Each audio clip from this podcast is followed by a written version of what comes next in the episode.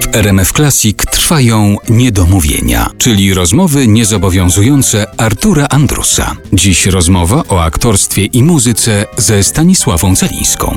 Użyła Pani takiego sformułowania, mówiąc o swoim śpiewaniu w stosunku do jakiejś piosenki, to jest poprzednia epoka mojego śpiewania. Dzieli Pani swoje śpiewanie na jakieś epoki? Można to podzielić?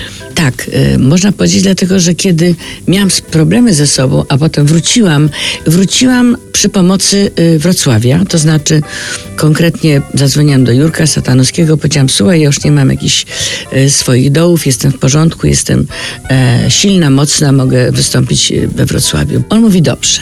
I pamiętam, że zaczęłam właśnie od śpiewania i zaśpiewałam bardzo mocno e, stopklatkę i song sprzątaczki.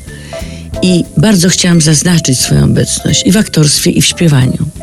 Więc zagrałam w balandze, no takie wielkie, krzyczące baby. I kiedy już tak pokrzyczałam i kiedy wszyscy- wszyscy zauważyli, że już jestem, postanowiłam wtedy zmienić. To znaczy zobaczyłam, że się zmieniłam w środku i że mam odwagę zmienić również siebie w sensie wizji własnej. Kiedy śpiewałam Opole w 69 roku, wygrałam, śpiewałam w taką podobni. Dosyć mocno i Potem pojechałam w 2009 z Maciejem Muraszko, zaśpiewałam atramentową rumbę jako zupełnie już ktoś inny. I to też bardzo się podobało, bo miałam takie głosy, wtedy nie było jurorów, tylko widzowie wybierali i byłam na czwartym miejscu. Świat troszeczkę się zmienił, jest coraz bardziej, coraz więcej agresji, ludzie potrzebują spokoju.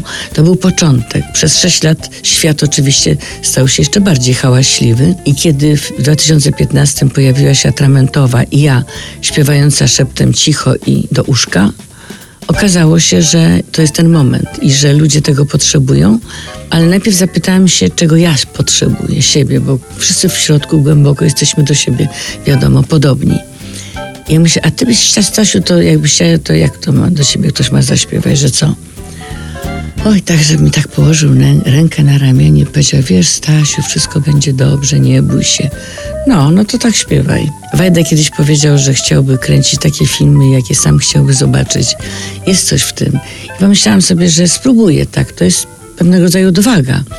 Już nie krzyczeć, nie, tu jestem, halo, halo, bo jak nie krzyknę, to mnie nie będzie. Nie, Uśmiechnij się, jutro będzie lepiej. Dokładnie. Co? To była tamta baba. A teraz zupełnie coś innego. I Okazało się, że, że i mnie to jest potrzebne, i ludziom jest to potrzebne. A jedna z tych piosenek, którą sobie w jakiś sposób cenię pod tytułem Słowa, mówi o takim zjawisku, że kiedy nasz przyjaciel popełni jakiś błąd, to my mówimy, no słuchaj, no stary, no nie mogłeś inaczej, no wiadomo. Ale kiedy my popełnimy błąd, tu jest pada wiącha potworna, no widzisz, jak zwykle, jesteś taka, taka, taka i taka. I dlatego napisałam to, żeby do siebie mówić łagodnie, do ludzi mówić łagodnie, ale do siebie też mówić łagodnie i być przyjacielem Samego samego siebie. siebie.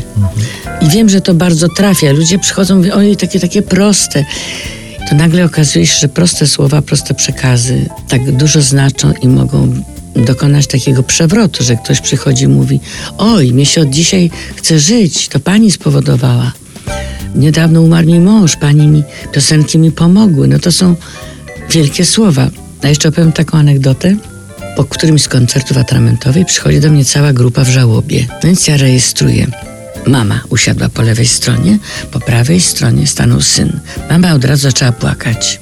Syn zaczął tłumaczyć, co mama chce powiedzieć. I mówi, bo wie pani, pani Stanisławo, my bardzo przepraszamy, ale czy my możemy na pomniku, bo tata nam niedawno zmarł, czy my możemy na pomniku wyryć słowa obfitości? Doroty Czubkiewicz słowa.